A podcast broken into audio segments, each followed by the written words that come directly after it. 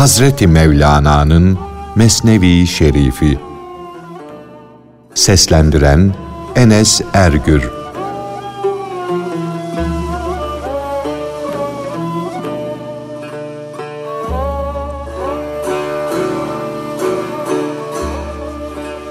Rum halkı ile Çinlilerin ressamlıkta bahse girişmeleri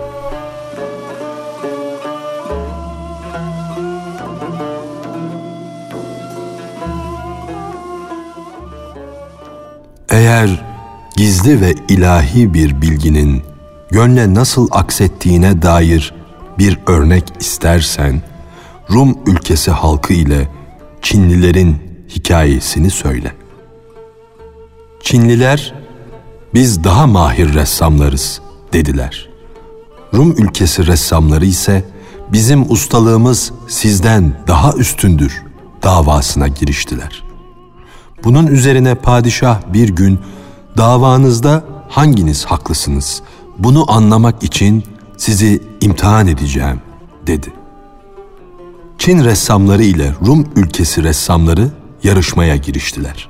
Fakat Rum ülkesi ressamları yarışmadan çekinir gibi oldular. Çinliler bize özel bir oda veriniz. Biz o odada çalışalım. Bir odada sizin olsun dediler.'' Kapıları birbirine karşı iki oda vardı. Odaların birini Çinliler aldı, birini de Rum ülkesi ressamlarına verdiler. Çinliler padişahtan yüzlerce çeşit renkte boya istediler. O yüce padişah renklerin hazine kapılarını onlara açtı. Böylece Çinlilere her sabah hazineden çeşit çeşit renklerde boyalar bağışlanmadaydı. Rum ressamları ise ne resim ne de boya bizim işimize yarar. Bize pasları gidermekten başka bir şey gerekmez dediler. Kapıyı kapadılar. Duvarı cilalamaya başladılar. Odanın kapıya karşı olan duvarını gökyüzü gibi saf, tertemiz ve parlak bir hale getirdiler. 200 çeşit renkten renksizliğe ancak bir yol vardır. Renk buluta benzer. Renksizlik ise ay gibidir. Bulutlarda ne türlü parlaklık, bir ışık görürsen onu yıldızlardan, aydan ve güneşten bil. Çinliler resimlerini yapıp bitirince sevinç ve neşelerinden davullar çaldılar. Padişah kapıdan içeri girdi. Çinlilerin yaptıkları resimleri gördü. Onların inceliğine, güzelliğine şaşırdı kaldı aklı başından gitti. Sonra Rum ülkesi ressamlarının yanına geldi. Padişah gelince Rumlar iki oda arasındaki perdeyi kaldırdılar. Karşıdaki odada Çinlilerin yapmış oldukları resimler, nakışlar bu odanın cilalanmış duvarına vurdu. Padişah Çinliler tarafında ne görmüşse burada onlar daha iyi, daha güzel göründü. Resimler öyle canlı, öyle güzeldi ki insanın gözünü alıyordu. Resimler sanki bakanların gözlerini göz yuvalarından çekip kapıyordu. Babacım, hak aşıkları olan sufiler Rum ülkesinin ressamlarına benzerler. Onların kitapları, ezberlenecek dersleri, gösterecek hünerleri yoktur. Fakat onlar gönüllerini ibadetle, iyiliklerle cilalamışlardır. Hırstan, tamadan, cimrilikten, kinlerden kurtulmuşlardır. Onların gönülleri bir ayna gibi saf ve tertemizdir. Oraya hadsiz hesapsız şekiller, suretler vurur. Orada görünür.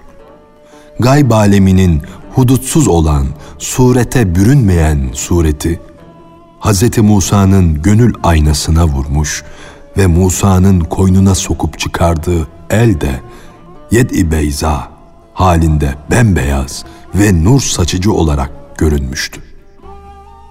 Gerçi o manevi suret göklere, arşa, ferşe, denizlere, balığa ve bütün kainata sığmaz. Çünkü bunların hududu vardır. Sayıya sığar şeylerdir. Fakat gönül aynasının haddi, hududu, nihayeti yoktur. Acaba gönül onunla mıdır? Yoksa gönül o mudur? Diye burada akıl ya susar yahut sapıtır, yoldan çıkar. Gönül hem sayıya sığar hem sayısızdır. Yani hem kesrete dalmıştır hem de vahdeti bulmuştur. Ona akseden nakıştan başka hiçbir nakış ebedi olarak kalmaz. Ezelden ebede kadar gönüle yeni yeni nakışlar, tecelliler akseder. Her nakış orada perdesiz olarak görünür. Gönüllerini Allah'ı anarak, iyi işler yaparak cilalamış, parlatmış olanlar renkten ve kokudan kurtulmuşlardır. Onlar her an işlerinde bir hoşluk, bir güzellik hissederler. Onlar bilginin şeklini, dış yüzünü, kabuğunu bırakmışlar da manasını ve özünü almışlar ve aynel yakin bayrağını yüceltmişlerdir. Düşüncelerden, duyguların yükü altından kurtulmuşlar da aydınlığa kavuşmuşlardır. Benliklerini hak uğruna kurban etmişler, irfan denizi kesilmişlerdir. Herkesin korktuğu, ürktüğü, kaçtığı ölüme karşı hak aşıkları acı acı gülümserler. Kimsecikler onların gönüllerine bir zarar veremez. Zira zarar sedefe gelir, içindeki inciye gelmez. Bunlar nahiv ve fıkıh ilimlerini terk etmişlerdir. Ama yokluğu ve yoksulluğu seçip almışlardır. Sekiz cennetin nakışları parladıkça onların gönül levhine vurur. Orada görünür. Allah'ın gerçeklik durağında oturup orayı yurt edinenlerin yerleri arştan da, ferşten de, kürsiden de yücedir.''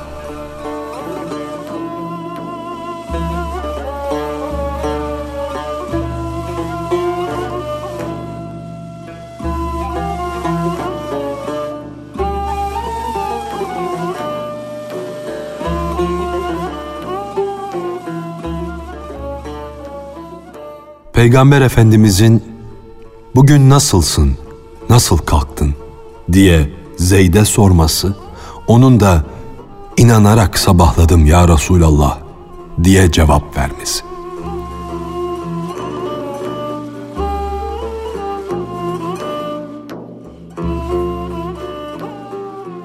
Resulullah Efendimiz bir sabah Zeyd Hazretlerine Ey tertemiz dost! Nasıl sabahladın, nasıl kalktın diye sordu. Zeyd, mümin bir kul olarak cevabını verince Peygamber Efendimiz ona eğer iman bahçen yeşerdi, gülleri açıldı ise bunun belirtileri nedir? Bu hali nasıl elde ettin? diye buyurdu. Zeyd dedi ki, günlerce aç, susuz bulundum. Geceleri de Allah aşkı ve ayrılık ateşi ile yanıp yakıldığım için uyuyamadım. Mızrağın ucu kalkanı nasıl deler geçerse ben de gündüzlerden, gecelerden öyle geçtim. Onlara ve onlarda geçen hadiselere bağlanıp kalmadım. Bu yüzden gecesi, gündüzü olmayan öyle bir aleme ulaştım ki orada bütün şeriatler, bütün dinler birdir. Bir saat ile yüz binlerce yıl birdir. O ehadiyet aleminde ezel ile ebed birleşmiştir. Fakat anlayışsızlığı yüzünden akıl oraya yol bulamaz. Hazreti Peygamber buyurdu ki, o gittiğin yoldan, o alemden, bu alem halkına akılları ereceği, anlayabileceği ne armağan getirdin? Zeyd dedi ki, bu alem halkı gökyüzünü nasıl görüyorsa ben de arşı ve arşta bulunanları öyle görüyorum. Puta tapanın karşısında putun durduğu gibi sekiz cennet ile yedi cehennem karşımda duruyor. Değirmende buğdayı arpadan ayırt edercesine halkı bir bir tanıyorum. Cennetlik kimdir? Cehennemlik kimdir? Bence balık ile yılan arasındaki fark gibi bellidir. O gün bazı yüzler ağarır, bazı yüzler kararır. Ayetinin beyan buyurduğu sırrı daha şimdiden halkın yüzlerinde okumadayım. Zeyd, Ya Resulallah, ben bu dünya halkının kadın olsun, erkek olsun manevi mahiyetlerini, kişiliklerini kıyamet gününde imişler gibi apaçık görüyorum. Gördüklerimi hemen söyleyeyim mi yoksa susayım mı? dedi. Hazreti Peygamber Efendimiz mübarek dudaklarını ısırmak suretiyle yetişir işareti verdi. Zeyd, Ya Resulallah dedi. Haşrin sırrını söyleyeyim de dünyada kıyameti bugün koparayım mı? Müsaade et de halkın gözündeki gaflet perdelerini yırtayım da bende bulunan ilahi emanet, ilahi gevher güneş gibi parlasın. Parlasın da güneş bile nurumdan tutulsun, kararsın, görünmez olsun. Meyvelerle dolu olan hurma ağacı ile meyvesiz çıplak söğüt ağacı arasındaki farkı göstereyim. Kıyametin sırrını açığa vurayım da ayarı tam altın ile bakır katılmış para belli olsun. Defterleri soldan verilen elleri kesilmiş suçluları kafirlik rengi ile hile ve nifak rengini göstereyim. Tutulmaktan ve eksilmekten uzak olan bir ayın ışığında yedi nifak deliğini yani cehennemin yedi kapısını göstereyim. Ben orada suçluların ne çirkinliklere bürüneceklerini göstereyim. Peygamberlerin davul seslerini duyurayım. Cehennemi, cennetleri, berzahı kafirlerin gözleri önüne apaçık sereyim. Coşkun ve taşkın bir halde bulunan Kevser havzını göstereyim de suyu halkın yüzüne serpilsin, sesi de kulaklarına ulaşsın. Susamış kimselerin o havz etrafında koşuştuklarını açıkça göstereyim. Şu anda onların omuzları benim omuzlarıma sürünmekte. Bağrışmaları kulağıma gelmektedir. Cennetlik olanlar sevinçlerinden gözümün önünde kucaklaşıyorlar. Birbirlerini makamlarında ziyaret edip öpüşüyorlar. Kulaklarım cehennemde olanların ah vah diye inleyip feryat etmelerinden sağır oldu. Bu söylediklerim ancak işaretlerden ibarettir.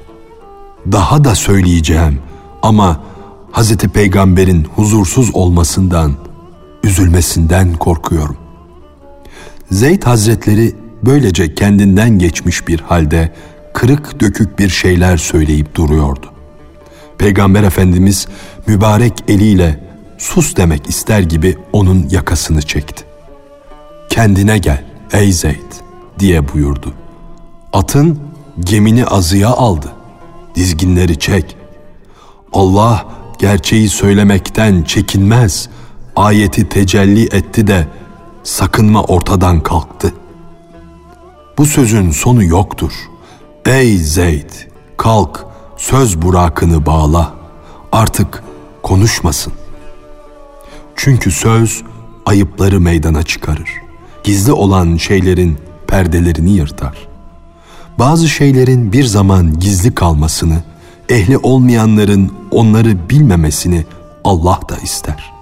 Bu sebeple dilini tut, sırlar yolunu kapat. Atını hızlı sürme, dizgini çek. Sırların, hakikatlerin gizli kalması daha iyi. Herkesin kendi zannı ile sevinmesi daha hoş. Cenab-ı Hak kendi rahmetinden ümit kesenlerin bile kulluktan yüz çevirmemelerini ister. İster ki onlar da Hakk'ın ibadeti ile şereflensinler ve taatiyle meşgul olsunlar. Cenab-ı Hak ister ki onlar da bir ümide kapılsınlar. Birkaç gün o ümidin peşinden koşup dursunlar. Allah'ın rahmeti, merhameti herkesedir, her şeyedir. Bu yüzdendir ki o rahmetinin iyi kötü herkese ulaşmasını ister. Allah her beyin, her kölenin hem ümide kapılmasını hem de kendinden korkup çekinmesini ister. Herkes görünmeyen alemden gelen bir lütufla, bir iyilikle beslensinler diye korku ile ümit perde arkasına gizlenmişlerdir. Ümit ve korku perdesini yırttığın zaman görünmeyen alem bütün gösterişiyle meydana çıkar.''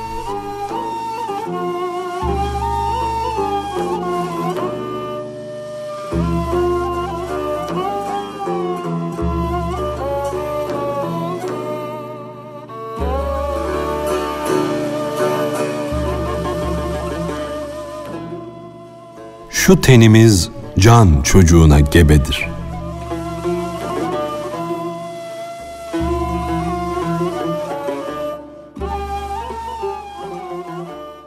Aslında bazı ruhlar dünyaya gelmeden önce ayıplarla, suçlarla dolu idiler.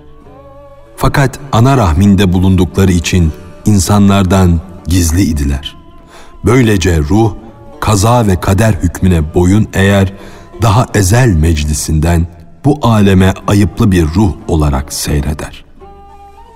Kötü kişi anasının karnında iken kötüdür. Fakat bu gibilerin halleri bedenlerindeki belirtilerden anlaşılır, bilinir. Beden can çocuğuna gebedir. Bir ömür boyu onu vücut rahminde taşır, besler. Ölüm ruhun bir başka aleme doğması hadisesinin sancılarıdır. Ahiret alemine göç etmiş ruhlar yeryüzünde bir kişi öldüğü zaman bakalım şu beden rahminden doğacak ruh sevinerek mi korkarak mı doğacak? Bizim alemimize gelecek ruh nasıldır? Güzel midir, çirkin midir diye bekleşirler. Çirkin kara yüzlüler o çocuk bizimdir derler. Güzel, beyaz yüzlüler ise hayır gelen pek güzeldir diyerek sevinirler, onu kendilerinden sayarlar. Yüzlerden suret alemine, bu dünyaya mahsus olan renk maskesi düşer, artık beyaz yüzlü ile kara yüzlü arasındaki ayrılık, aykırılık kalmaz. Ruh sireti ile görünür. Artık iyilik, kötülük gizlenmez olur. Eğer ruh kara yüzlü suçlulardan ise zenciler, azap melekleri onu alır, götürürler. Ak yüzlü mutlulardan ise Allah'ın rahmet melekleri onu karşılarlar, aralarına alırlar. Ruh can alemine doğmadıkça onun nasıl olduğunu bilmek dünyadaki en zor işlerdendir. Bir çocuğu doğmadan bilen, tanıyan azdır. Bunu anlayan ancak Allah'ın nuru ile bakıp gören kişidir. Böyle olan kişi insanın ve eşyanın batınına, iç yüzüne yol bulur. Allah'ın hikmetinden sual olunmaz. Bir kısım insanı ahseni takvim yaratır, en güzel rengi verirken bir kısım insanı da esfeli safilin halk eder. Ona çirkin bir renk verir.''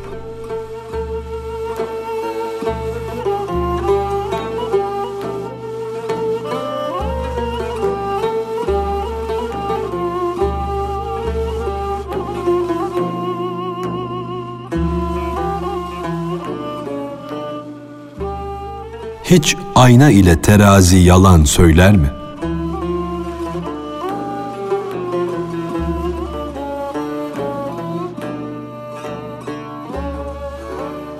ayna ile terazi öyle kadri yüce ve doğru mihenk yerleridir ki sen onlara 200 sene hizmet etsen sonra aynaya desen ki ben sana bu kadar sene hizmet ettim hatırım için beni çirkin gösterme teraziye de desen ki yalvarırım sana fazla tart eksiğimi açığa vurma onlar sana cevap verir de derler ki zavallı herkesi kendine güldürme alemi kendine maskara etme ayna ile terazi hile bilmezler, yalan söylemezler.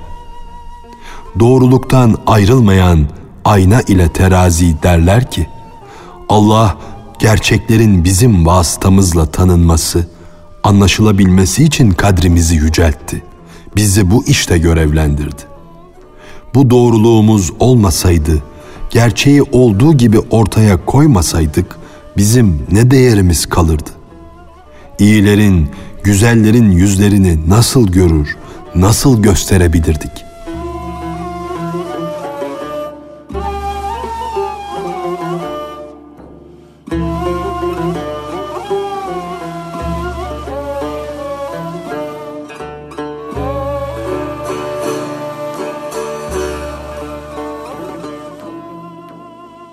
Gönül isterse neler yapar.''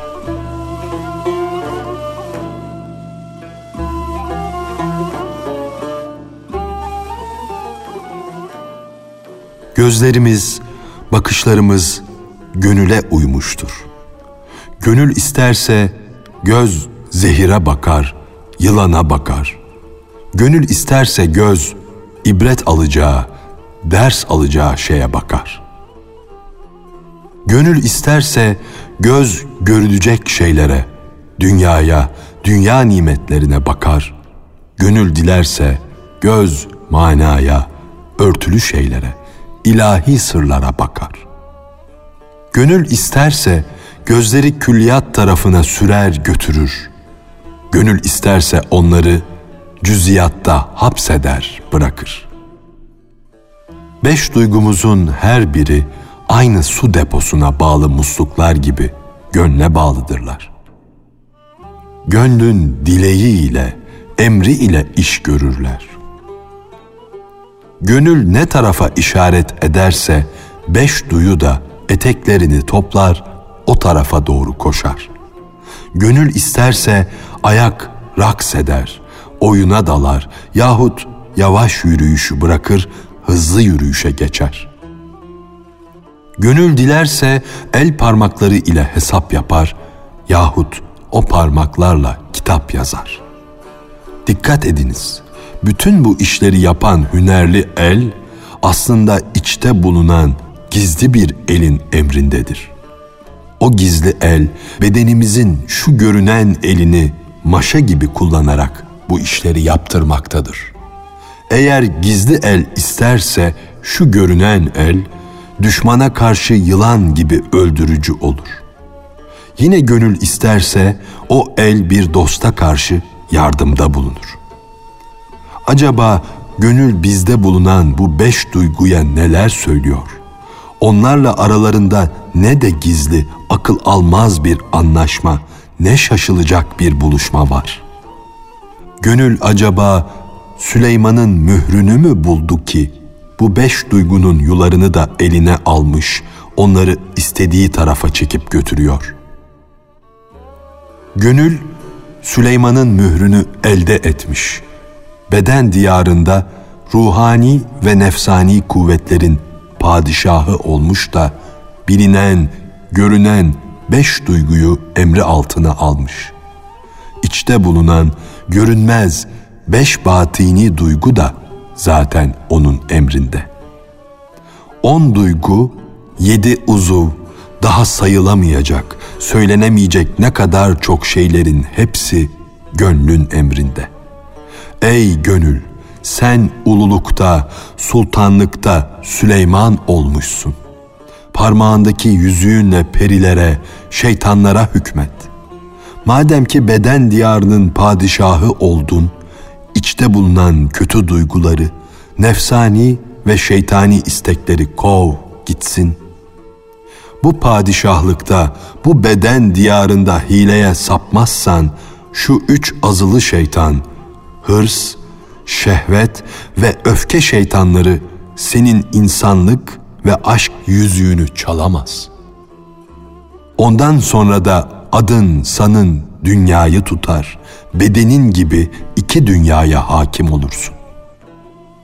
Eğer şeytan elinden aşk yüzüğünü, insanlık yüzüğünü alır giderse, padişahlığın yok olur.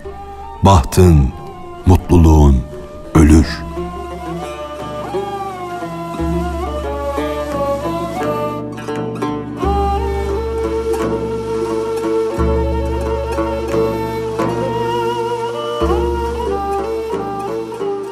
Hazreti Mevlana'nın Mesnevi Şerifi. Seslendiren Enes Ergür